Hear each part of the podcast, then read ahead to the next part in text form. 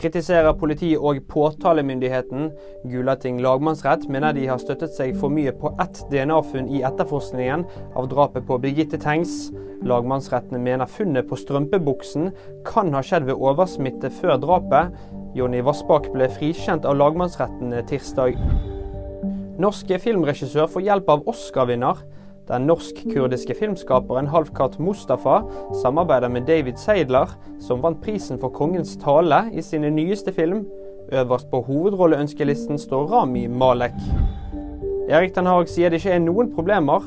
Manchester United-manageren måtte tåle en rekke spørsmål i forbindelse med flere avisartikler om at det skal være misnøye blant spillerne.